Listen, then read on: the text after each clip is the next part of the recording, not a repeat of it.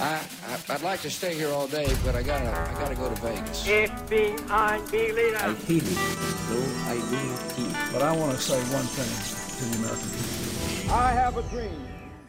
Ja, du hører som sagt på Globus her på Radio Revolt. Vi er jo det internasjonale og utenriksprogrammet her. Og Radio Revolts flaggskip, vil jeg si, her på FM 100. Absolutt. Og vi er jo alltid interessert i at folk sender oss en eh, mail. Så hvis dere ønsker å gjøre det, hvor sender man det da, Martine? Da sender du til globus, alfakrøll, radiorevolt.no. NO? Jeg tror kanskje.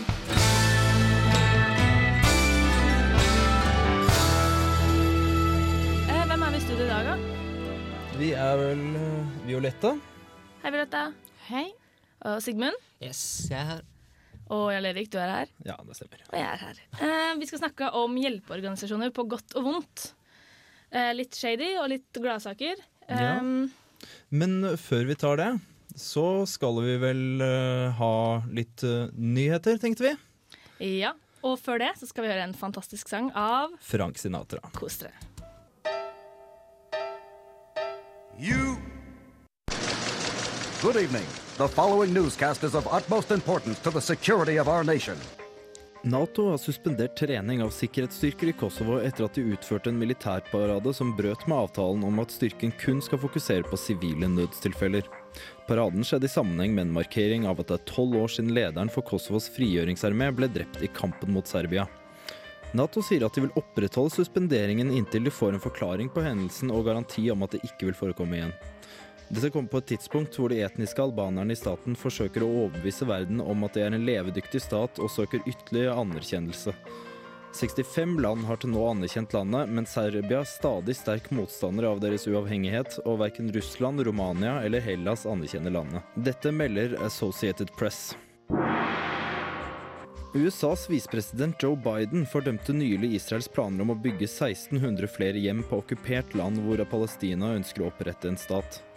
Biden sier at dette er svært dårlig timet i forhold til at han nå forsøker å gjenoppstarte fredsdiskusjoner mellom Palestina og Israel. Israels innenriksminister sier på sin side at planen enda ikke har fått siste godkjennelse. Biden skal senere denne uken også treffe Palestinas statsminister Mahmoud Abbas. Dette melder NRK. Medvedev ga nylig de ansvarlige sportssjefer sparken etter det som i Russland anses for å være et svært dårlig OL medaljemessig. Han beklaget seg over at Russland har mistet den gamle sovjetskolen, uten at man har klart å danne en egen, på tross av at pengemengden investert i sport aldri har vært høyere. De tidligere svært gode resultatene til Sovjetunionen ble hyppig brukt i propagandaøyemed som en måte å glorifisere kommunismens ideologi på. I senere tid har man mistenkt at mange av utøverne var dopet når de vant medalje. Dette melder Reuters. Det amerikanske utenriksdepartementet har bedt om unnskyldning etter at eh, departementets talsmann PJ Crowley kalte øh, oberst Gaddafis uttalelser om hellig krig mot Sveits som 'mange ord uten mye mening'. Departementet beklager eventuelle diplomatiske problemer dette kan ha skapt. Dette melder BBC.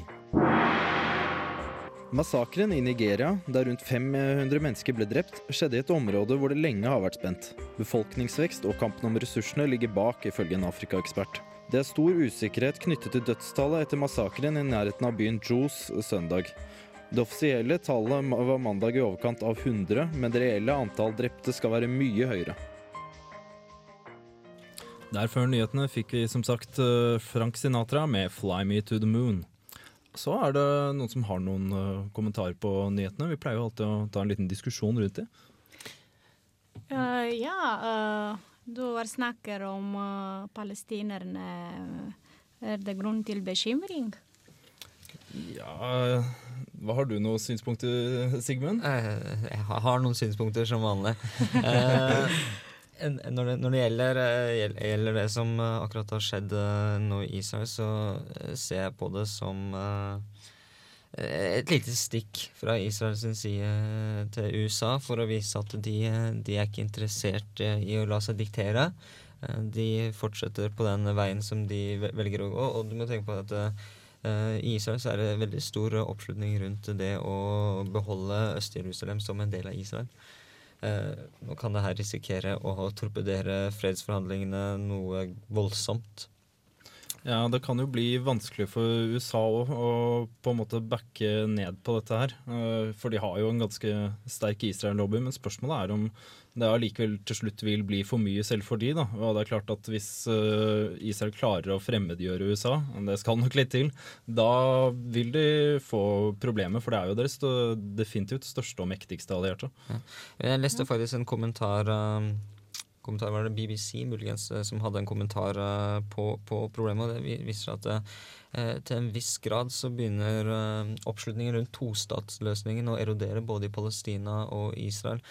Eh, det er, det, det, de har så alvor, altså problemer med å prate med hverandre at eh, folk begynner å jeg, tror at det, her funker ikke. Um, Biden uh, gjentar USAs mantra om at Iran ikke må bli en atommakt. Men uh, hvordan har de tenkt å forhindre det, leste jeg i Adresseavisen. Uh, kan de forhindre det? Det kan vi ikke vite.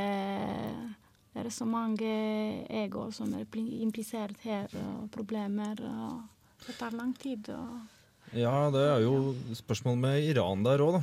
Selvfølgelig. Altså, for det er vel det det er uh, snakk om her. Altså Det kan bli vanskelig for uh, i, uh, altså Israel å hevde den uh, Hevde seg, det. Det er jo vanskelig å stoppe land i det hele. Hvordan, altså det med sanksjoner fra land til land. Det finnes jo ikke noen internasjonale regler. Det er jo som kjent anarki. Ikke kaos, men anarki. Anarkisk. Ja, takk, Sigmund. Um, så det er jo Hva skal man gjøre, da? Gi sanksjoner, boikotte. Det er det man kan gjøre. Em, men uh, før vi snakker mer, så tenker jeg vi hører en sang, Eller, Erik. Hva vil du høre? Vi tar Black Rebel Motorcycle Club med Conscience Killer.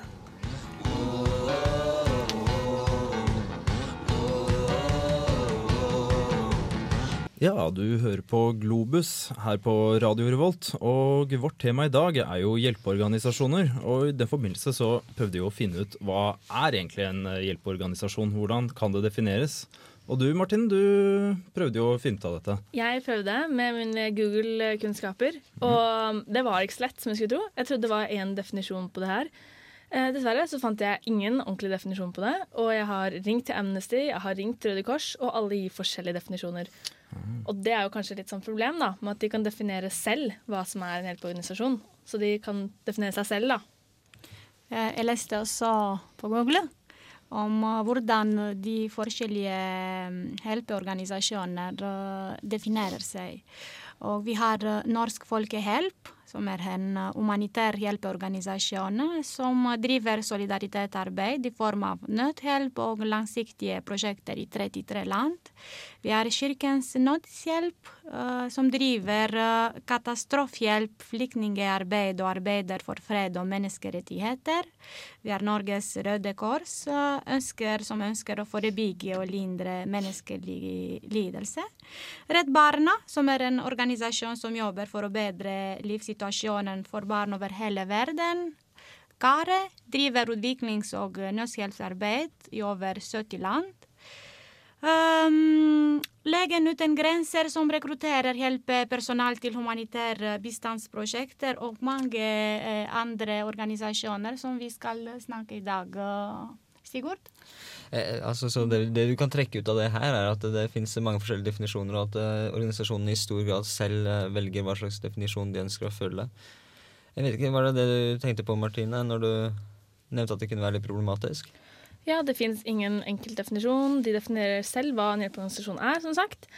Eh, Det har jo sikkert litt med at de er ulike typer hjelpeorganisasjoner. Du har Leger uten grenser, som er en medisinsk hjelpeorganisasjon. Du har Ingeniører uten grenser, som bygger bruer. Du har jo Ja. alt mulig da, fra A til Å. Så Men uh, målet er å hjelpe folk i nød, uh, og uh, nå det er felles for alle hjelpeorganisasjoner. i hvert fall i starten, kan vi si. Okay. Når en uh, hjelpeorganisasjon blir dannet, så er det klart at de intensjonene er gode. Men eh, det har jo skjedd flere ganger at det har skeia litt ut, sånn som vi skal høre etter hvert. At um, noen organisasjoner bruker mer på eller administrasjon enn de får inn totalt i et år. Ja, det er jo det rent økonomiske aspektet, selvfølgelig. For det er mye penger som er i omløp når det kommer til eh, den slags. Veldig til mye. hjelpeorganisasjoner. Ja. Yes. Eh, vi tar litt videre etterpå, men eh, aller først Så skal vi høre en sak av du har laget, Martine. Ja, og før det så hører vi John John, Ellis. Ellis.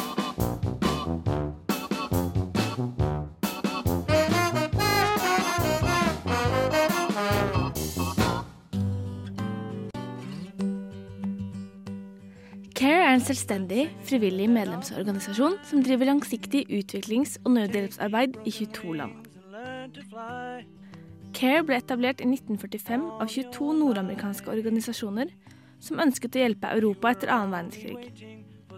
Mange av disse var immigrantorganisasjoner der medlemmene ønsket å bistå sine egne hjemland. Norge mottok 300 000 Care-pakker med mat, klær, bøker og leker i perioden 1946 til 50. Care International er verdens tredje største bistandsorganisasjon, og de kjemper særskilt for kvinner og jenters rettigheter og muligheter.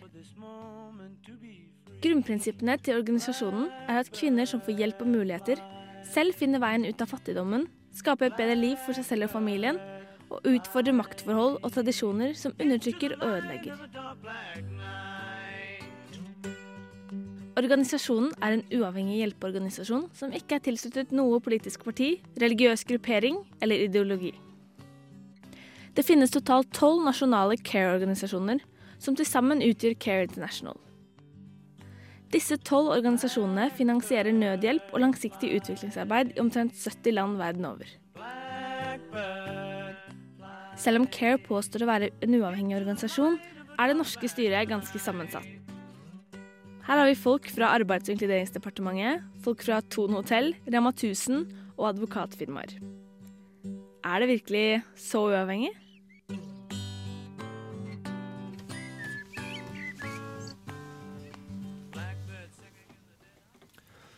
Hmm, det, det var jo en interessant sak om care, og kanskje spesielt det du sa på slutten der. Altså det med at uh, det er mye forskjellige folk i styret der fra andre organisasjoner. Ja, jeg hang meg litt opp i det, da. At uh, det er litt merkelig sånn um, det er litt sånn, de er jo, Care er selvfølgelig ute etter å få så mye penger inn som mulig. Um, og da er det veldig ofte sånn at uh, noen som f.eks. sitter i Ton-konsernet, sier ja, hvis dere får 20 millioner av oss, så får vi et uh, medlem da, inn i deres uh, styre. Og sånn har det da blitt. Og nå er det jo veldig satt sammen av folk fra Rema 1000 og advokatfirmaer. og Det er, det er jo litt shady. Altså, hva gjør de der? Hva har de med bistand å gjøre? Nei, jeg Um, kan jo spørre om de har noe spesiell kompetanse på akkurat det området. Ja, og så kan jeg også påpeke at eh, de fikk eh, hvor mye var det? 30 millioner kroner av Arbeiderpartiet i fjor. Yes. Ja, men fordi vi snakker om uh, Care, uh, sier at Care Norge driver med kvinnerettbistand, og de hadde en undersøkelse. Hvem er de verdens verste uh, Land land? ja. Ja. um, og i Afghanistan det skjer mye vold uh, i hjemmene, jevnlige angrep på jenteskoler og en lov som legaliserer voldtekt i ekteskap. Og det gjør at Afghanistan uh, topper listen på CARES liste over de ti verste stedene å være kvinne. I anledning vinnerdagen 8. mars har Kerr utarbeidet en liste, som jeg sa først, om, over det som kan sies å være de ti verste stedene i verden være kvinne. Øverst på listen er Afghanistan, etterfulgt av eh, Somalia og eh, Kongo. I Afghanistan eh, ble det i 2009 innført en eh, kvinnefiendtlig lov som aksepterer barneekteskap og legaliserer voldtekt i ekteskap. Den slår eh, også fast at kvinner må ha tillatelse fra ektemenn eller fedre for å gjøre, kunne jobbe eller å få en utdannelse, og ni av ti afghanske kvinner blir utsatt for vold av familiemedlemmer. Somalia og Kongo, uten eh, en fungerende regjering og et eh, nasjonalt eh, lovverk som kan beskytte dem, blir somaliske kvinner utsatt for stor diskriminering på vold og jevnlig basis. Og som alle vet, som mer enn 98% av alle kvinner er omskjært. eh, Eller i Kongo mistet eh, minst 200 000 kvinner er blitt eh, voldtatt i løpet av den langvarige konflikten. Eh, det er helt skremmende hva skje Hva skjer med kvinner i disse land. Uh, Sigvard, har du noe å si? Jeg, tenkte på det at i mange av disse landene så er altså misbruket mot kvinner det er eh, så institusjonalisert. Altså det ligger så dypt i staten. Eh, Martine, hvor, hvor mye eh, kan, en organisasjon som Care gjøre med dette her? Bare det å være der tror jeg er noe en trygghet da, for kvinner i landet. Og det som er problemet for sånne organisasjoner, er at du får ikke gjort så mye med tradisjoner. Du får, altså, det får bare til at ting forekommer i hemmelighet istedenfor. Og det er jo noe de sliter med. Altså, de kan jo være der og hjelpe, men hvis ingen vil ha hjelp Altså kvinner som ikke har noe stemme å be om hjelp om, da, de får jo ikke noe hjelp. Som du sier, Martine, at uh, de kan ikke gjøre noe med tradisjonene, fordi alt som er forferdelig uh, i Kongo, uh, hvis kvinnene blir voldtatt, de må bare gifte seg med, med mennene som har voldtatt dem. Hvis de ikke gjør det, det betyr at de skal komme med skam i familien. Det er helt utrolig hvilke tradisjoner uh, de har. Og vi kan, de uh, helseorganisasjonene kan ikke gjøre noe um, helt sikkert uh, med tradisjonene. Og Derfor er det jo ekstra flott at vi har organisasjoner som tar vare på kvinner og barn særskilt. da, At de skiller de ut i det landet hvor det er nødvendig. Mm. Selv om uh, noen ganger kan være folk i styret som kanskje uh, virker som de er der mer for å mele sin egen kake. Ja, Men jeg håper at uh, de Rema 1000 også vil beskytte små jenter som har det vondt. Um, nå skal vi over på noe litt annet. Vi skal høre en sang av Fountains of Wayne som heter Sing to the Bottom. Um, jeg ler ikke huske Mozell-reklamen. Ja, det er det der den stammer fra. Det er der den stammer fra. Ja, det blir spennende. Sink to the bottom with you. The ocean is big and blue. I just wanna sink to the bottom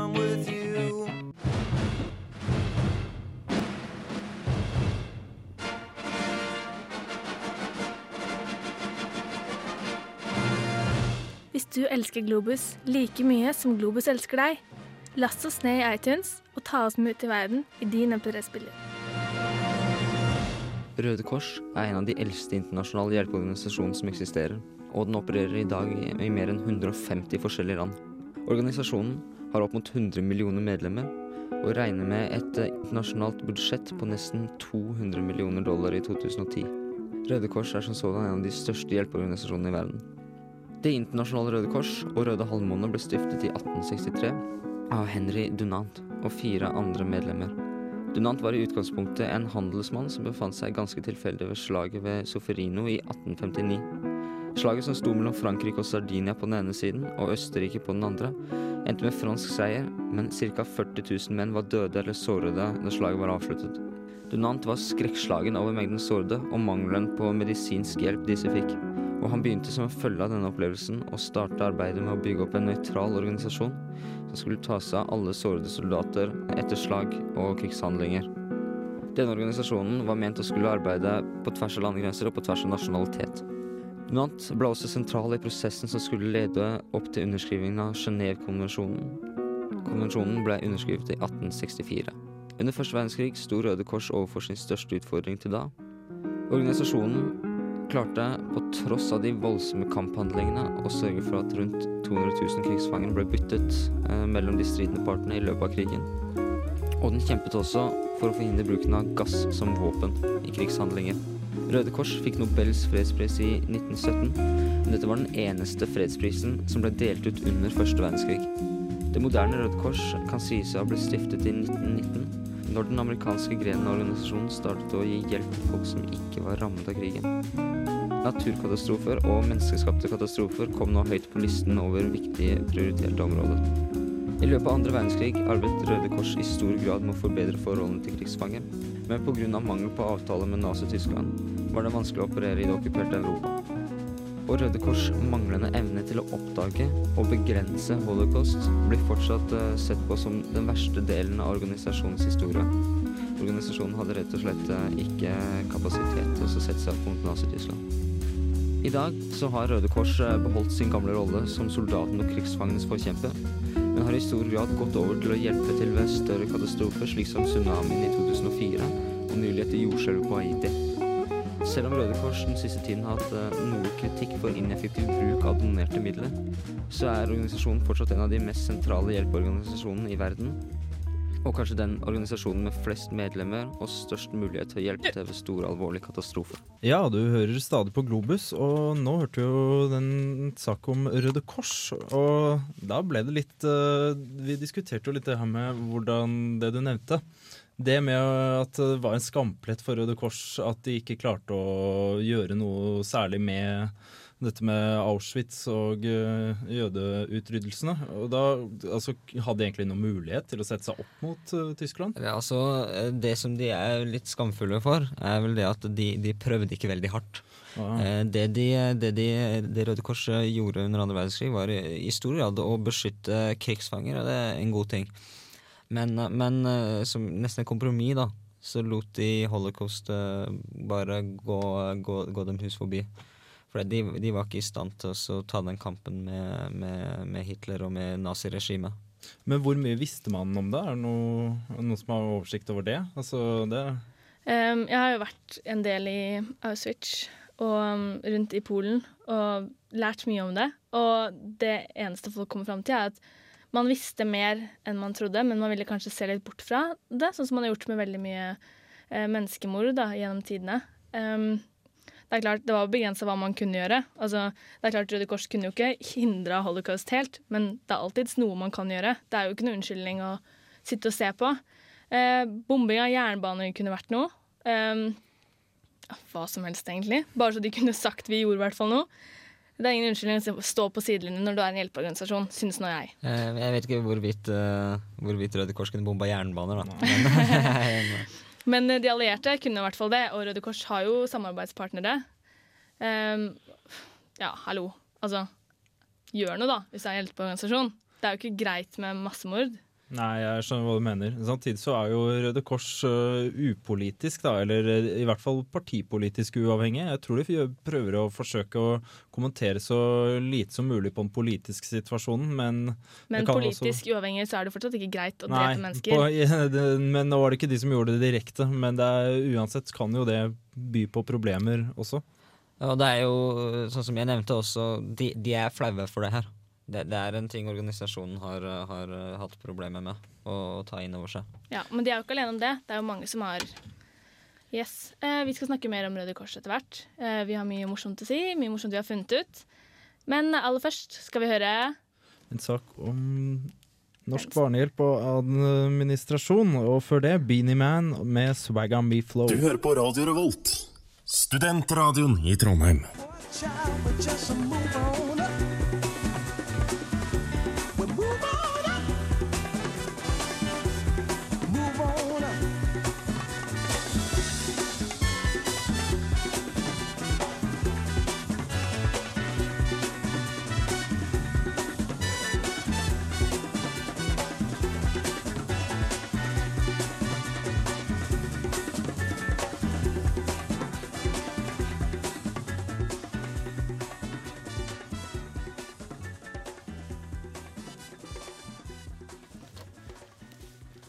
Yes, vi er tilbake. Det var Curtis Mayfield med 'Move On Up'. En eh, morsom, fantastisk sang.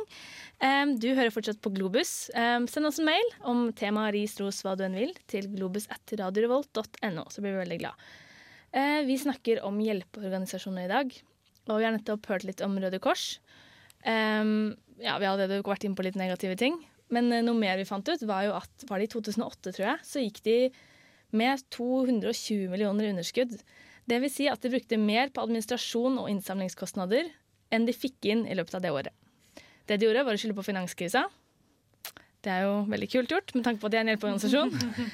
um, ja, eh, og Violetta, du har jo litt blandede følelser for Røde Kors, for du har jo opplevd litt med de. Uh, ja, det var etter uh, Ceausescu død og i Romania. Vi fikk uh, hjelp fra mange hjelpeorganisasjoner. Og så Jeg husker at uh, jeg og min familie ventet uh, Stor kø for å få klær og mat.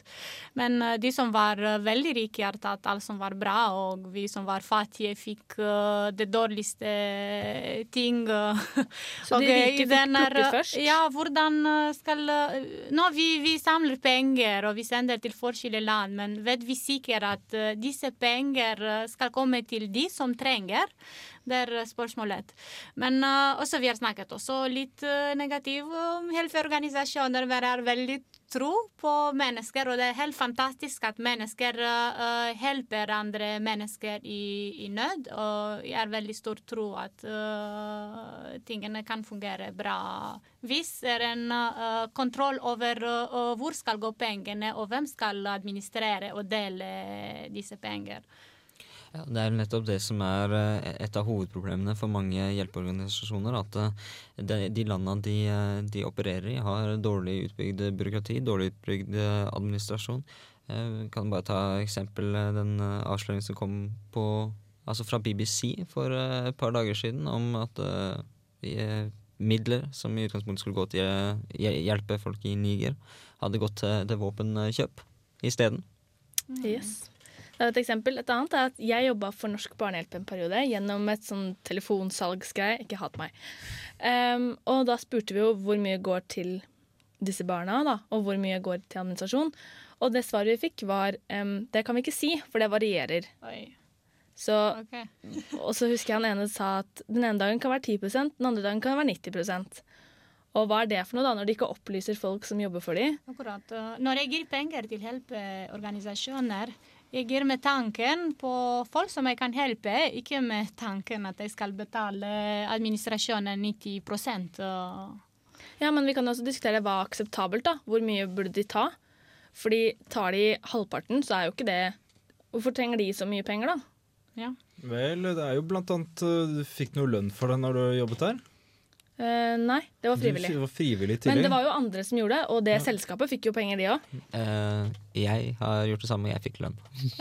Ja, jeg nå føler jeg meg veldig Jeg har ja, blitt lurt. Nå føler jeg meg veldig eh, slem her, men det er, eh, det, det er som Jarl Erik nevnte, at det er mange, mange som skal eh, lønnes.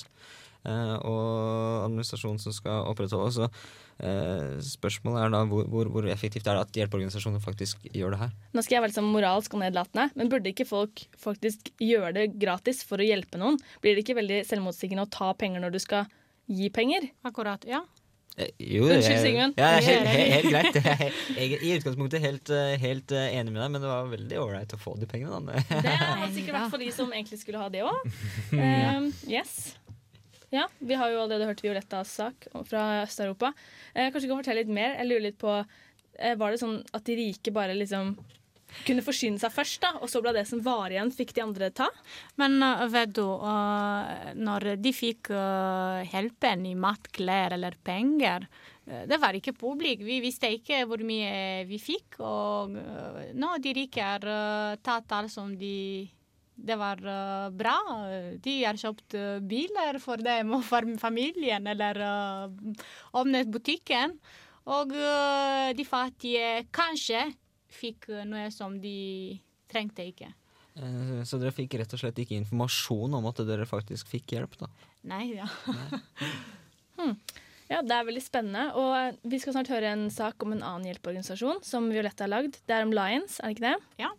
Yes, Kanskje du kan fortelle litt hva du har funnet ut om Lions? Er det bakgrunns... Uh, ja, eh, forrige uke var på Samfunnet et møte med studenter fra Bergen.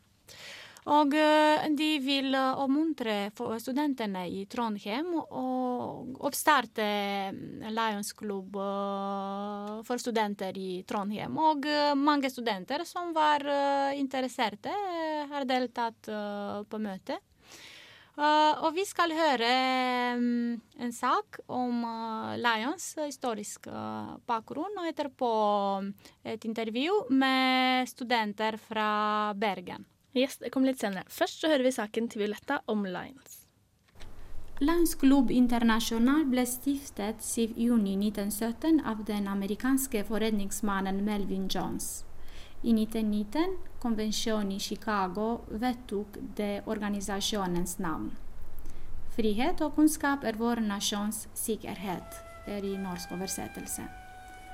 Lions kom til Europa i 1948, med Sverige som første europeiske land og Lions Klubb Stockholm som første klubb. Året etter kom Norge med Lions som det fjerde land i Europa. Lions Klubb Oslo var den første Lions Klubb i Norge.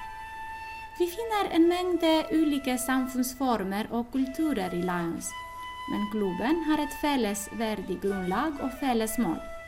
Å skape større forståelse mellom alle mennesker og nasjoner ved å arbeide for økt innsikt i mellomfolkelige problemer.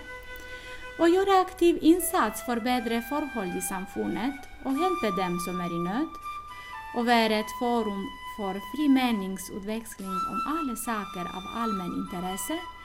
Bevegelsen er nøytral i politiske og religiøse spørsmål arbeider for en høy etisk standard innen alle yrker.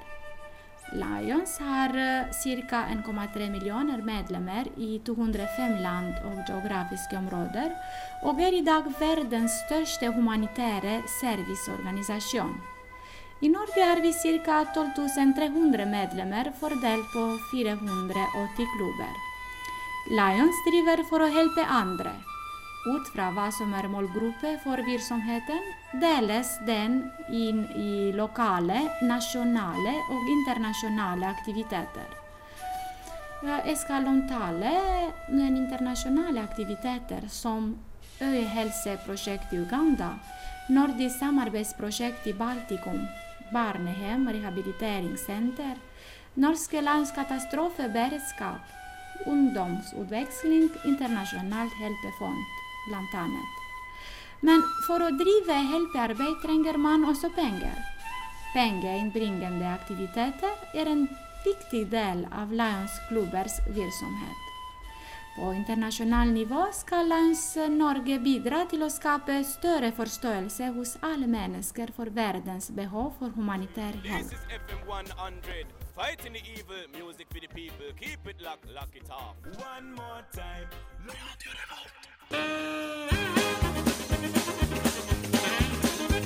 I am behind these evil acts. He's a jackass. Gjør som alle store verdensledere og hør på Globus her på Radio Revolt hver onsdag fra 12 til 14. Ja, vi er tilbake i Globus her på Radio Revolt FM 100, eller kanskje du hører oss på internett. Det er også kult. Hei, hei til alle lyttere. Um, I dag snakker vi om hjelpeorganisasjoner, og vi har jo kommet frem til mye morsomt, vi. Um, og vi hørte nettopp en sak av Violetta om Lions. Og kanskje du kan fortelle sånn i korte trekk hva er det Lions gjør? Sånn Mm. Um, jeg, jeg har mer interesse om hva de gjør på internasjonalt nivå. Ja, det er jo det Så som uh, Norske Lions har bidratt uh, med over 1,5 millioner kroner uh, til uh, jordskjelvrammede på Haiti. Uh, en av prosjektene som, uh, Så det er veldig aktuelt, da. Ja. Og så det er mange prosjekter som uh, i Uganda, som grisprosjekten. Uh, og og vi skal høre uh, litt senere i intervju med studenter fra Bergen om forskjellige prosjekter som uh, gjør på internasjonalt uh, nivå.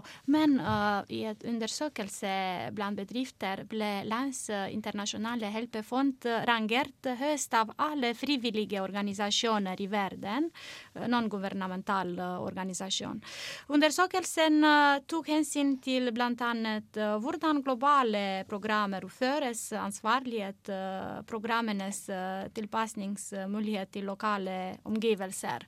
Uh, de har en kjempebra jobb, og jeg synes at det er bra å være medlem i landsklubb, og faktisk jeg har lyst til å være medlem og vite mer om landsklubb. Klubb. Mm. Ja, jeg ble i hvert fall veldig overraska, fordi jeg trodde at Lions var veldig sånn på nasjonalt nivå. da. Sånn jeg har møtt de, har de vært ja, de har drevet med forebyggende arbeid mot f.eks. alkohol- og narkotikamisbruk da, i hjemkommunen min. Eh, Men jeg visste ikke at de var så store internasjonalt, så jeg er veldig positivt overraska. Nei, jeg tenkte at det høres ut uh, som iallfall dere to er blitt litt uh, Lions Friends. Det er ålreit å høre at uh, noen hjelpeorganisasjoner klarer seg så bra, da. Uten, uten altfor alt for mye snusk. Nå håper jeg ikke det dukker opp uh, noe i Ja. avisene de neste dagene. Nei, Vi får se hvordan det går med bl.a. Haiti og sånn. da. Hvor mye som forsvinner i administrasjonsrettigheter og kostnader der. Jeg sa at jeg har tro på mennesker, og det er uh, fantastisk at mange studenter impliserer seg i de internasjonale prosjekter eller uh, de nasjonale prosjekter som Lions uh, har. Det betyr at de skal ha en bra framtid hvis ungdommer og studenter bruker så mye tid og energi for å hjelpe folk. Ja, Vi har jo tidligere også hatt en del besøk av Amnesty. Um, som har vært veldig behjelpelige med å dekke ting som skjer eh, bl.a. i Niger-deltaet. Um, og de har vi ikke funnet så mye snusk om. De um, driver veldig mye med menneskerettigheter, noe vi, vi støtter veldig. Um, og det som er felles for alle disse hjelpeorganisasjonene, er at hvis du vil vite mer, så har vi noe sånn fantastisk som internett. Så det er bare å google, søke og lese mer, for det er masse, masse, masse informasjon på nettet. Mm. Yes. Um, og det er mange måter å hjelpe på. Du trenger ikke nødvendigvis å gi alt stipendet ditt, men du kan f.eks. være med på en tekstmeldingstjeneste i Amnesty hvor du betaler 30 kroner i måneden. Jeg må si en ting til. at uh, Min uh, intervju med studentene som var present uh, på Samfunnet forrige uke, var litt uheldig. Det var mange stemmer som bakgrunn. Og, uh, Det går nok helt fint. okay. Um, vi skal høre saken til Violetta etter en sang. Eller hva, Jarl Erik? Jo, Golden Triangle med I Want To Know. I want to know.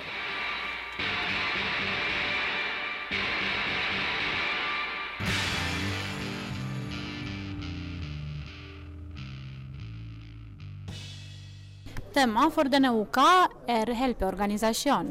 Vi snakker med studenter som vil eh, stifte organisasjon. Du heter Kjerstin. Hans. Tone. Hva, er eh, Lions organisasjon? Her i Trondheim så er det besøk fra Bergen. Vi er alle studenter ved Universitetet i Bergen, og vi er i Trondheim for å promotere en ny hjelpeorganisasjon som heter Lions Klubb Trondheim Student. Vi som er her, vi er medlemmer av Lions Klubb Bergen Student, eh, og nå er vi eh, ja, vi er veldig interessert i å opprette en tilsvarende organisasjon her, her i Trondheim. Så vi har hatt et informasjonsmøte og truffet veldig mange hyggelige folk som er interessert i å stifte klubb her i Trondheim. Så vi er veldig fornøyd. Dere har snakket uh, på møtet om hva dere gjør på internasjonalt uh, nivå. Vi, har jo, vi skal som sagt starte opp en, eh, en studentklubb her i Trondheim. Eh, og da snakker vi jo litt om det vi gjør i Bergen. Og I Bergen så har vi siden vi ble starta i 2005 jobba mye, med- mye med bistand mot Uganda. da. Eh, vi ser at vi har en ganske unik, unik mulighet, kan tilby noe ganske unikt til studenter. da. Eh, og Det er en erfaring med praktisk bistandsarbeid. I Bergen så har vi per dags dato fire bistandsprosjekter eh, i Uganda. Hvor det ene er et eh, inntektsgenererende eh, bistandsprosjekt i Vest-Uganda. Hvor vi samarbeider med en lokal grasrotorganisasjon som jobber med rettighetene for døve barn i denne regionen. Eh, grisefarmen som vi bygger i Vest-Uganda er i samarbeid med en mulighet for dem til å, til å sjøl jobbe for inntektene til organisasjonen sin. Da. Så i stedet for at vi sender ned en eh, pengesum eh, hvert år eh, til å drive organisasjonen, så samler vi inn én stor sum eh, og hjelper dem å bygge en grisefarm som de sjøl har etterspurt, som dekker behovene der nede, og som er det som er Ja, det er et stort behov for det der, da. Ehm, så kan de sjøl drive denne grisefarmen og sjøl skape inntektene til organisasjonen. da. Så vi jobber veldig tett med de. Ellers har vi et jusformidlingsprosjekt i slummen i, i Kampala. Vi har starta et fadder-barn-prosjekt eh, i, i, den, i det samme området. Eh, og vi har et, eh, et eh, pedagogisk eh, bevisstgjøringsprosjekt som vi skal prøve å starte opp og overføre til Uganda, som allerede har hatt stor suksess i USA og Norge. Et, det er et prosjekt som dreier seg veldig mye om bevisstgjøring, det her med å ta egne valg. I Norge er det gjerne rettet mot klassemiljø, mobbing og rus. I Uganda ser vi for oss at vi gjør det samme om til rettet mer mot eh, hiv og aids, og det her med å ta bevisste valg rundt, rundt sex, da, som er en stor utfordring i, i Uganda og den delen av Afrika. Mm. Ja, eh, jeg eh, fokuserer jo mer på Eller jeg er jo leder for lokalprosjektene i Bergen. Og med, på samme med Lions Quest, som heter 'Det er mitt valg i Norge', og det vil vi fokusere mer på. At eh, barn og unge skal være mer bevisste på å si fra, tørre å stå imot. Samtidig så fokuserer lokalprosjektet på eh, rus. Eh, ettervernsenter. Og det vi har lyst til, er å kunne tilby eh, rusmisbrukere forskjellige aktiviteter som de kan delta i, så de får kanskje en litt bedre hverdag. Det er vel egentlig det det går ut på. Du har snakket om eh, et prosjekt i Haiti. Ja, i Haiti så er vi inne ikke Lions Club Bergen Student, men Lions generelt. Jeg har en stiftelse som heter Lions Club International Foundation. Som er inne i Haiti nå med katastrofehjelp. Eh, katastrofebistand er en veldig stor del av Lions bistandsarbeid. Eh, så jeg trekker det frem som et eksempel på å vise at Lions Club er mer enn bare Gjerne her i Norge så fokuserer man gjerne oftere på de lokale prosjektene i media, men vi er veldig flinke også internasjonalt, spesielt når det kommer til katastrofebistand. Så vi var en av de første organisasjonene som var inne i Port-au-Prince, og kommer til å bli der i i alle fall et par år.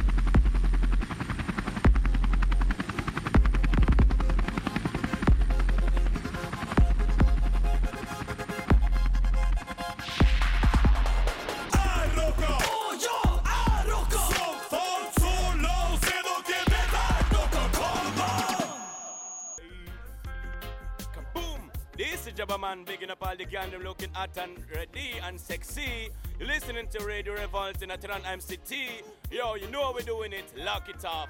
Boom! One more time. Dette er Globus, og eh, vi hørte jo nylig noen som har studenter som hadde blitt intervjuet fra Lions. Men vi har fått inn en uh, ny mann, en som har akkurat stått opp. Ja, cirka det. Ja, uh, Hei, Anders. Hei sann. Du har jo laget en sak om eh, Burma. Ja, um, det har jeg. Ja. Det er jo en viktig ting å ta opp eh, nå, både angående det vi på snakke om, det er veldig vanskelig å være en hjelpeorganisasjon og skal dra til Burma. Det er jo store problemer rundt det. Ja, eh, Hvilket inntrykk har du av hjelpeorganisasjoner sånn generelt?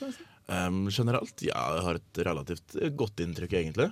Um, jeg har hørt at dere har vært litt negative i det programmet, men d- stort sett da, ehm, så er det liksom ehm, Jeg har stor tiltro til dem, de norske, altså som Amnesty, eller de som har norske greiene, sånn som Amnesty- Redd Barna, eh, Røde Kors og sånn, har jeg jo faktisk et relativt godt eh, inntrykk av. da. Ja, vi prøver ikke å være negative, men eh, litt kritiske til i hvert fall deler av eh, virksomheten. Da. Hvis, det ikke går, eh, hvis det ikke gjør helt det visjonene deres eh, står i stil til, så prøver vi i hvert fall å ta opp deler av det. Selvfølgelig. selvfølgelig. Vi er jo vi har tross alt eh, det seriøse utenriksprogrammet på Radio Revolt, eh, og skal da være litt seriøse også. Men da tenker jeg vi kanskje skal høre Jimmy Hendrix med Wallis of Neptune' før vi kjører i gang saken.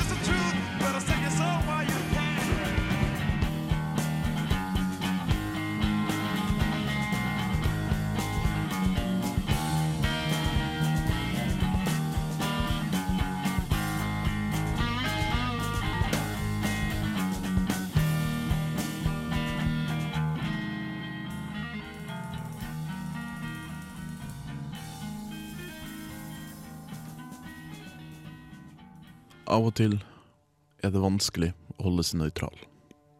Av og til er det hardt, til og med å være hobbyjournalist, uten de aller største bekymringene i livet. Av og til må du bare drite i å i det hele tatt være nøytral. Mitt navn er Anders Maasen, og denne ukas land er Burma. Burma er et land i Asia, med grenser mot Bangladesh og India i vest, Kina i nordøst, Laos i øst og Thailand i sørøst. Burma blir styrt av en militærjunta. Militærjuntaen har endra navnet på landet til Myanmar, imens landets demokratisk valgte opposisjon, ledet av Aung San Suu Kyi, ber imidlertid verden fortsette å bruke navnet Burma. I kommer til å holde med til det. Juntaen blir ledet av en av verdens minst kjente og samtidig største soppinfiserte drittsekker som finnes. Tan Shwe, en overtroisk gamling. Juntaen har ganske effektivt stoppa alle protester og bevegelser for demokrati. Datta ved å ta livet av demonstranter i hopetall. I 1988 ble over 3000 studenter drept når de demonstrerte mot militærregimet i landet. Fra studentenes side var dette en fredelig demonstrasjon, men juntaen var så redd at de følte at det var helt nødvendig å slakte ned ubevæpna mennesker. Juntaen ble allikevel tvingt til å holde demokratiske valg. Det skjedde i 1990. Og nesten alle stemte da på opposisjonslederen Aung San Suu Kyi. Juntaen bestemte seg for at det her, det kunne ikke stemme. Og valgresultatet ble erklært ugyldig. av den nye lederen for juntaen, Shwe. I 1991 fikk Aung San Suu Kyi Nobels fredspris. Så gikk det 17 år, før de i 2007 brøt ut nye protester mot juntaen. Denne gangen var de leda av den eneste styrken som kunne være en reell trussel mot de forbanna drittsekkene. Landets mange buddhistmunker.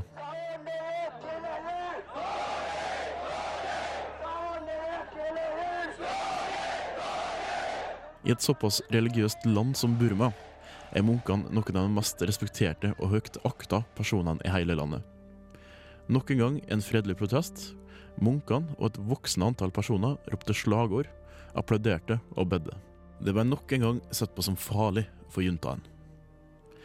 Det ble satt i gang mottiltak. Det ble ikke lov til å samle mer enn fem stykk på ett sted. Og etter mørkets frambrudd måtte alle holde seg innendørs. Mange munker ble fengsla, og klostra ble raida og nærmest rasert. Mange mennesker ble skutt på åpen gate, og det ble kasta tåregass. Og veldig mange ble tatt i forvaring av politistyrkene, aldri for å bli sett igjen. Militærjuntaen styrer med jernhånd. All politisk opposisjon og demokratibevegelse blir slått hardt ned på. Verst går det ut over Burmas eh, mange minoriteter. Flere menneskerettsrapporter viser at det foregår omfattende etnisk rensing i Burma. Eksempel så er shan-folket, som er helter i Øst-Burma, et ynda mål for juntaen. Flere hundre tusen av sja-befolkninga har flykta over grensa til Thailand, men de er såpass feige at de ikke gir dem flyktningstatus. Eh, Med andre ord så oppholder de seg da ulovlig i landet, og de må leve i skjul, og de kan ikke sette opp permanente flyktningleirer. Skal til sigende holdes et nytt valg om ikke så altfor lenge. Jeg tror ikke det kommer til å være et reelt valg, men forhåpentligvis kan det være med på å starte en ny revolusjon. En revolusjon som får tatt livet av dette junta-styret. Det var klar tale fra Anders Måsund der. Så slipper vi i hvert fall å lure på hva vi skal synes om eh, regimet i Burma. Ja, nei, det, det er vel ikke så mye å synes om det. Eh, for, en gjeng drittsekker, egentlig. For, altså, det som skjer nede her, altså, det er ingen som veit hva som skjer nede her, egentlig. Um, vi, jo, vi, har, da, vi får jo en øyenvitnebeskrivelser øyenvitnebeskrivelse av hva som faktisk foregår. Men det her er jo dritstrengt, et dritstrengt land. Um, de, de som, altså det er jo en dokumentar som nå holder på å vant Oscaren. Som, uh, Ja, han var nominert, i hvert fall. nominert, som heter Burma VG, som da tar for seg mye av dette. Eh, de, da, da er det jo sånne folk som går rundt med håndholdte kamera. Og de blir, de blir tatt De blir tatt av sånne sikkerhetsstyrker som kommer bort og bare banker lysskitten ut av dem, hiver dem i fengsel, ja, gjør alt mulig sånn, da. Og de, eh, altså, eh, de, Men de klarer likevel å få smugla ut eh, via satellittlink da, eh, mye, mye stoff. Og det du ser der nå, det, det, sånn, det, det er bare sånn altså, Folk som protesterer på gata, de må ha beskyttelse av x, x antall folk rundt seg for å få for å klare for, for å ikke bli banka lysen ut av, av sikkerhetstropper midt på gata. liksom, Og munkene, som da vi snakka her om, eh, som ble satt i fengsel og ble banka opp, og noen ble til og med drept, de, det er sånne folk som er, det er jo hellige folk i, i Burma og i Asia. Og de, eller egentlig av alle som er buddhister, så er jo det her hellige folk som du ikke egentlig skal røre. Og de ble jo da altså Klostrene deres ble raida, de ble skutt på, de ble satt i fengsel. Altså det, det, det, er helt, det er helt vilt hva som foregår nede. Um, det er helt forferdelig at uh, økonomien uh, i Burma er i ruiner, og uh, all opposisjon er forbudt, og overgrepene fra juntaen er veldig omfattende. Tenk bare at de uh, gir lov at uh, ingen kan uh, stille til valg hvis de var gift, eller hvis de er gift med en en, En, uh, person fra utlandet, ja. En person fra Um, utlandet, ja. Eh, og det er jo sånn, det, De skal jo ha et valg nå i 2010. Eh, ingen vet når det valget er. Derfor jeg sa at, eh, at det var Altså jeg derfor ikke ga en skikkelig tidsperspektiv på det i saken her. da. Um, det, er jo, det er jo ganske spesielt, da. At det, at det, ja, at det kan gå. Um, for at det, det Ja, nei, jeg blir litt målløs, egentlig, når jeg hører om alt det som foregår. og alt bare overgrep mot minoritetene. Det er sånn- en cirka etnisk rensing da, som foregår. Eh, og Burma er vel et, eh, altså et, eh, et land hvor, eh, hvor regimet i stor grad eh, er glemt og gått, for, gått forbi. Eh, tenk på det at eh, internasjonale samfunnet har ikke vært veldig flinke til å ta, ta ansvar eh, i, i den saken her. Eh, Storbritannia og USA kaller f.eks. Uh, Burma for Myanmar eh, etter oppfordring fra regjeringa. Uh, I en artikkel i Adresseavisen uh, leste jeg at eh, grusomme, det skjer grusomme overgrep eh, mot kvinner i Burma. Uh, kvinnelige landsbyledere i Burma blir utsatt for systematiske og grove overgrep. En ny rapport uh, avdekker drap, korsfestelser, uh, og gruppevoldtekter.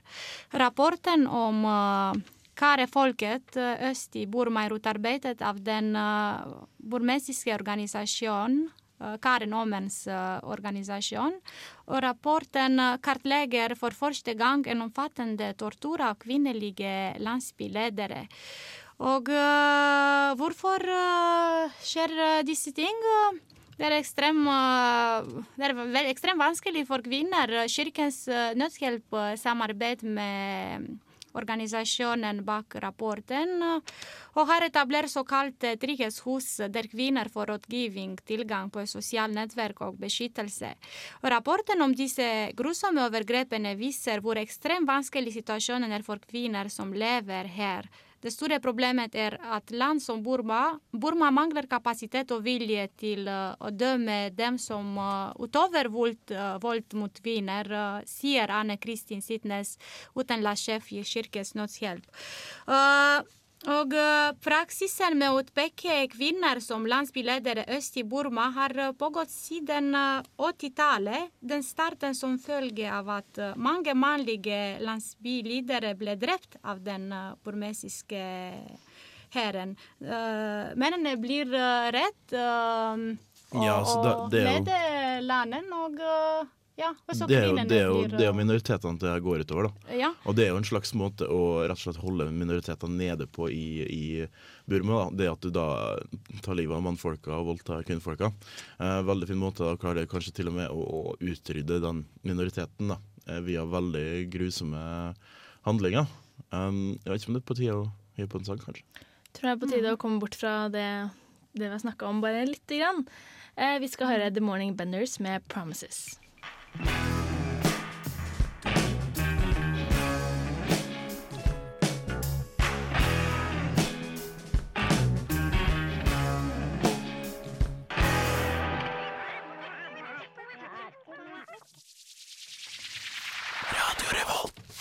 Ja, du hører på Globus, uh, utenriksprogrammet her på Radio Revolt. Og nå har vi pratet litt om Burma. Og hvordan tror du det er for sånn uten altså hjelpeorganisasjoner å komme seg inn i landet? Det har vel bydd på store problemer?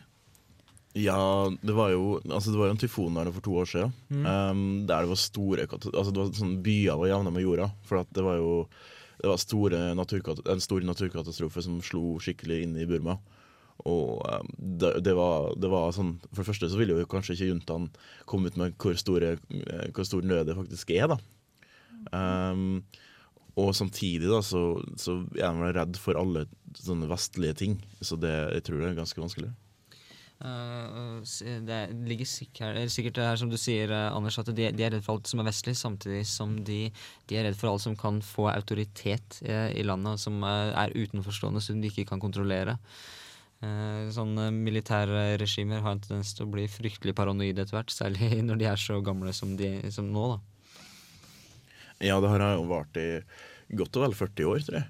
Så det Ja.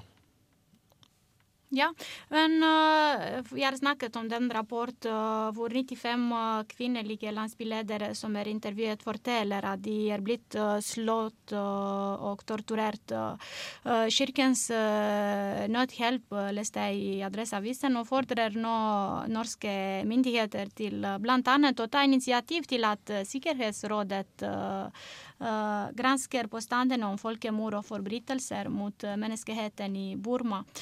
Og så I begynnelsen av april eh, reiser eh, statssekretær i Utenriksdepartementet eh, Gry Larsen til Burma for å få et inntrykk av den politiske situasjonen i forkant av valget. Og hun skal treffe humanitære organisasjoner, demokratibevegelsen og myndighetene. Jeg synes det er veldig bra at Nor Norge impliserer seg uh, i Ja, Burma. men igjen da, så kan du spørre deg, hva, hva er det som egentlig kommer til å komme ut av det? Det er jo veldig mange statsfolk som har vært der nede. Etter, etter eh, demonstrasjonen i 2007 så var det jo en av FNs utsendelser som var nede og snakka med jentene. Hadde dialog med jentene, som den så fint kalte det. Um, og altså rett og slett da, så, så er det veldig masse prat og veldig lite handling, virker det som for meg. da. Mm. Og, og det, ja, så, som du sier, Anders. eh, Mye, mye prat, eh, lite handling. Det og det er vanskelig å få en, eh, en militærjunta som, som er så avhengig av å eh, klinge seg til makta, eh, til, til å i det hele tatt gi noe som helst eh, Gi, gi litt grann slipp på Mm. no, no, noe som helst. Eh, for disse personene her, og det, det er jeg ganske overbevist om, eh, vil være, altså, de vil ikke være verdt så veldig mye hvis de plutselig skulle miste den, den posisjonen som de har i landet. Nei. um, og, og ja, det er jo positivt at norske myndigheter interesserer seg, selvfølgelig. Men igjen da, så kan du se hva som skjedde på Sri Lanka. Der hadde jo Erik Solheim, som var jo den store freds, eh, fredsmannen uh, i mange, mange, mange, mange, mange år. Men det endte jo opp med eh, masse, drap av uskyldige sivile og to, to eh, sider som slåss med nebb og klør mot hverandre uansett. da. Jeg lurer litt på Hvordan stiller Norge seg for, i forhold til Burma? Eh, Er det, skal vi si Burma eller Myanmar? Altså, vi, altså, Jeg tror det er veldig få som sier Myanmar på norsk, altså, egentlig. Eh, vi holder oss til Burma, ja. Ja, vi fortsetter med det. Mm. Ja, at eh, de norske myndigheter reiser til Burma eh, for å diskutere menneskerettigheter, eh, som er inkludert også minoriteters rettigheter med myndighetene i Burma. Det betyr en stor progress nå, for de åpner for kommunikasjon, og de fra Burma ser at de andre landene er med øynene på dem. Og øh, jeg sier også at øh, pratingen er Å prate er viktig. åpne dører. Men eh, altså, for meg så virker det veldig Det virker veldig Ja, det er, sånn, det, er litt sånn som det var rundt når de hadde valget i 90. da. At eh, ja, nå skal vi vise at vi har faktisk litt demokrati her. Og at vi ikke er så gale som dere sier. Det er bare løgner, det demokratilista si. For så, nå tar vi dialog med folk. Så ja, for meg selvfølgelig at det her er litt sånn um, ja, hakk i plata, da, kan vi si. Så det går bare opp i det samme sporet igjen og igjen. Ja, øh, det er jo mye interessant mye av det dere sier. Og nå skal vi ta, apropos dette politiske, en annen politisk sak. Det var jo nemlig hungersnøden under Sovjet. Mm. Og det har jo jeg laget en liten sak om. Og har kanskje trukket noen paralleller. Vi kan se etter at vi har hørt det. Men før det skal vi Da blir det Beanie Man med Swagami Flow. Swagami Flow.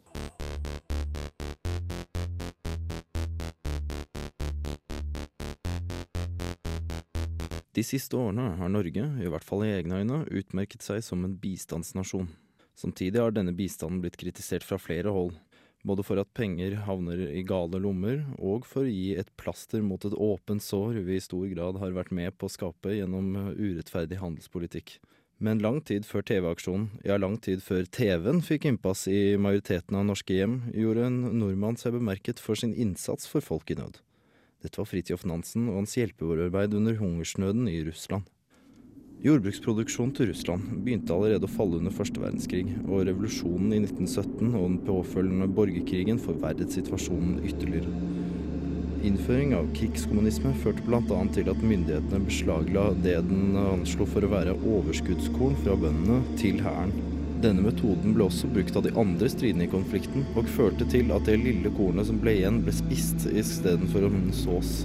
Når så tørken rammet i 1921, var hungersnøden et faktum. Fridtjof Nansen fikk jobben med å lede arbeidet med å skaffe mat til russerne, fordi han i tillegg til å være en kjent og respektert mann, ville bli godkjent av alle parter, ettersom Norge på denne tiden ble sett på som en nøytral aktør i det internasjonale samfunn. Dette var viktig fordi den nye nasjonen Sovjetunionen ikke var anerkjent eh, av noen av de europeiske stormaktene, og i tillegg hadde en handelsblokade mot seg.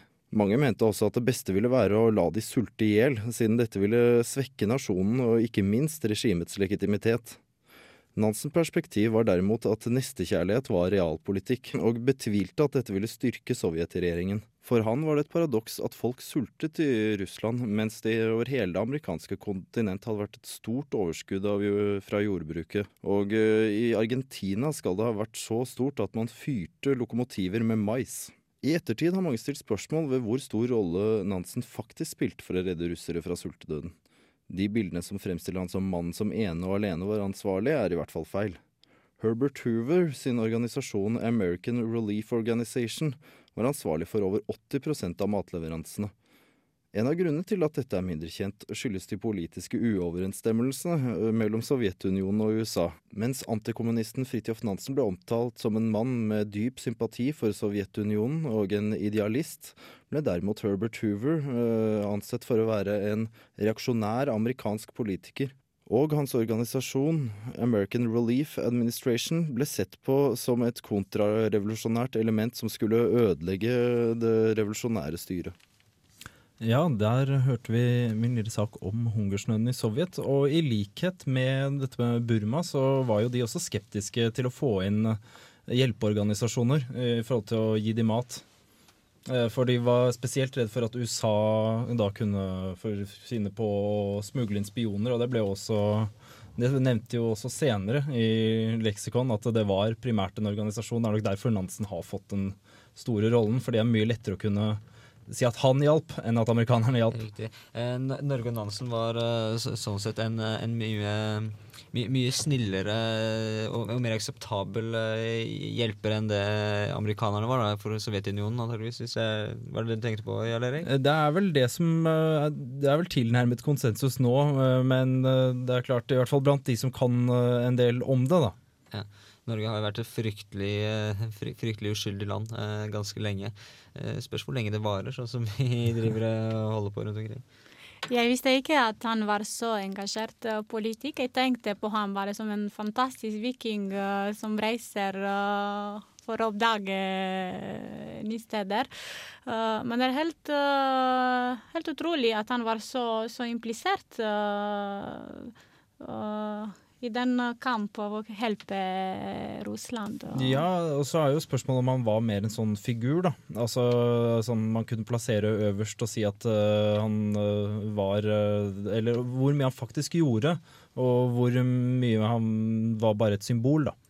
Men det er jo kanskje sånn Norge fortsatt blir sett på, da. Som en slags ikke helt amerikanisert stat som vi kan bruke til samarbeid mellom ting som er veldig, eller stater som er veldig amerikanisert, og stater som er helt mot. Så vi blir en slags mellompart. da. Eh, et land folk kanskje ikke vet så mye om, og derfor blir akseptert som en megler. Ja, og I gamle dager så var det jo også sånn at idealet var at Norge skulle forsøke å gi, altså tjene minst mulig på sin egen uhjelp. Eh, de skulle med andre ord ikke være Det skulle ikke være knyttet noen sånne interesser eller noen handelsinteresser i det hele tatt til Norge. da. Det skulle rett og slett være ren uhjelp. Men eh, det viste seg jo ganske fort at eh, det endte med at når man ga nødhjelp, så var det visse kriterier man skulle legge til grunn, som at da må dere kjøpe så og så mye av norske varer og i det hele tatt. Så det er nok ganske vanlig her. Det skal sies at um, han Quisling var jo også med på det her nå, opplegget her nå, faktisk. Og det var der han på, fant uh, andre kjæresten sin, var det ikke det? Jo, jo. Uh, og det var der han også da uh, rett og slett blei så sint på bolsjevikene at han at han, eh, ja, han, han, begynte å få veldig sånne antikommunistiske eh, tanker, som igjen da eh, Vi har sett litt da ble, siden. Ble til, slutt, ble til slutt det det ble. Ja. Yes. Men jeg lurer på, um, hva skjer med land når vi går inn og hjelper de som hjelpeorganisasjoner? Vi snakka litt om det tidligere, Sigmund. Du tenker, tenker, på når stater faktisk går inn og, og hjelper andre nasjoner, eller generelt hjelpeorganisasjoner? Skjønner alt. Altså, det må jo få konsekvenser. Riktig. Eh, en ting som jeg, som jeg eh, tenker på, det er eh, kommer litt av, av diktet 'White Man's Burden'. det er det at når du, når du, går inn og hjelper en, en stat på den måten, så kan du risikere det at de folka du prøver å hjelpe, de blir avhengig av den hjelpa du sender. Ikke bare det at den kommer feil, men at de faktisk ikke klarer å dra seg selv opp av søla for det Eh, tyngdehjelpa holder de nede. Yes, eh, det er veldig interessant. Eh, vi snakker mer om det etter vi har hørt trondheimsbandet Pelbo med Zoom In.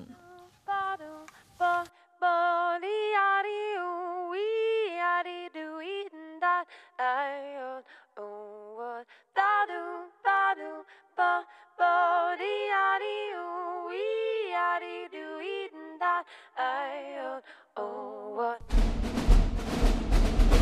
Gjør som alle store verdensledere og hør på Globus her på Radio Revolt hver onsdag fra 12 til 14.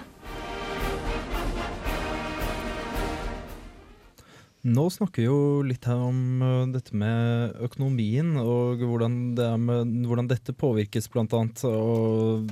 av utvikling i et land. Påvirkes av å få uhjelp.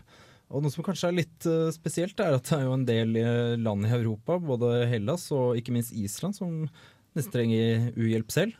Ja, eh, Island eh, skal få penger eh, fra Norge. Skal vi være de gode naboene som skal hjelpe Island?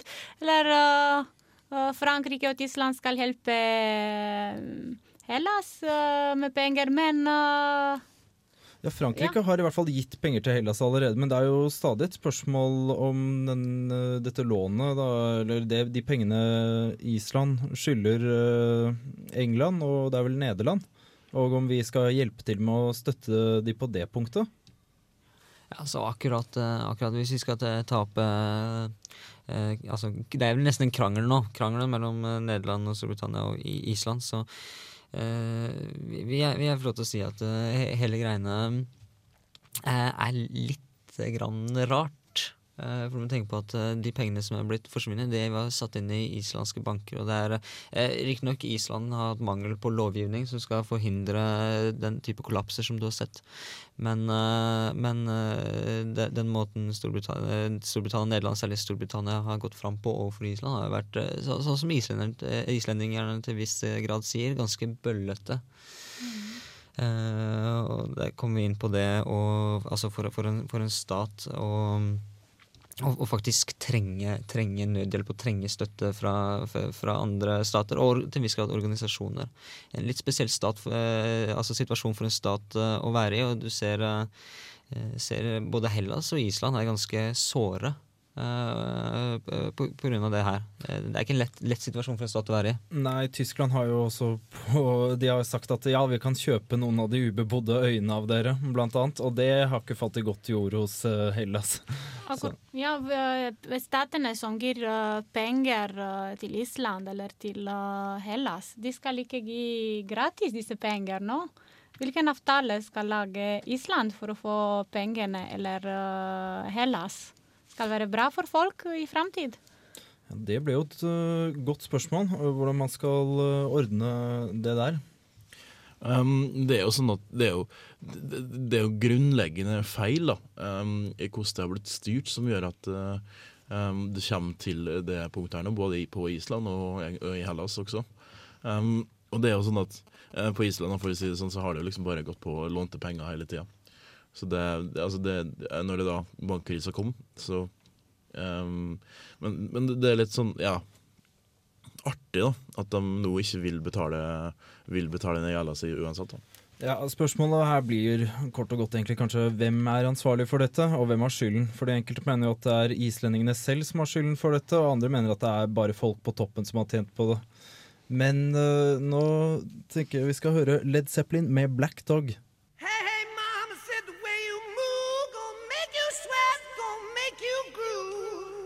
Yes, det var alltid fantastiske Led Zeppelin med Black Dog. Eh, Du hører på Globus. Vår tid er snart omme.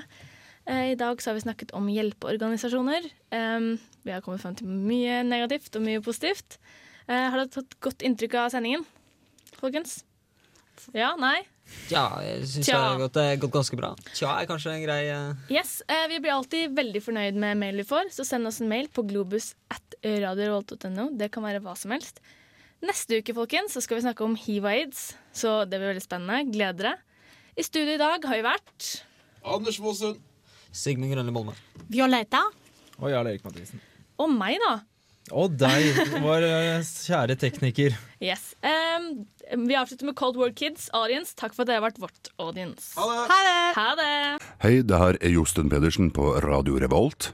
Radio Revolt, 12 points.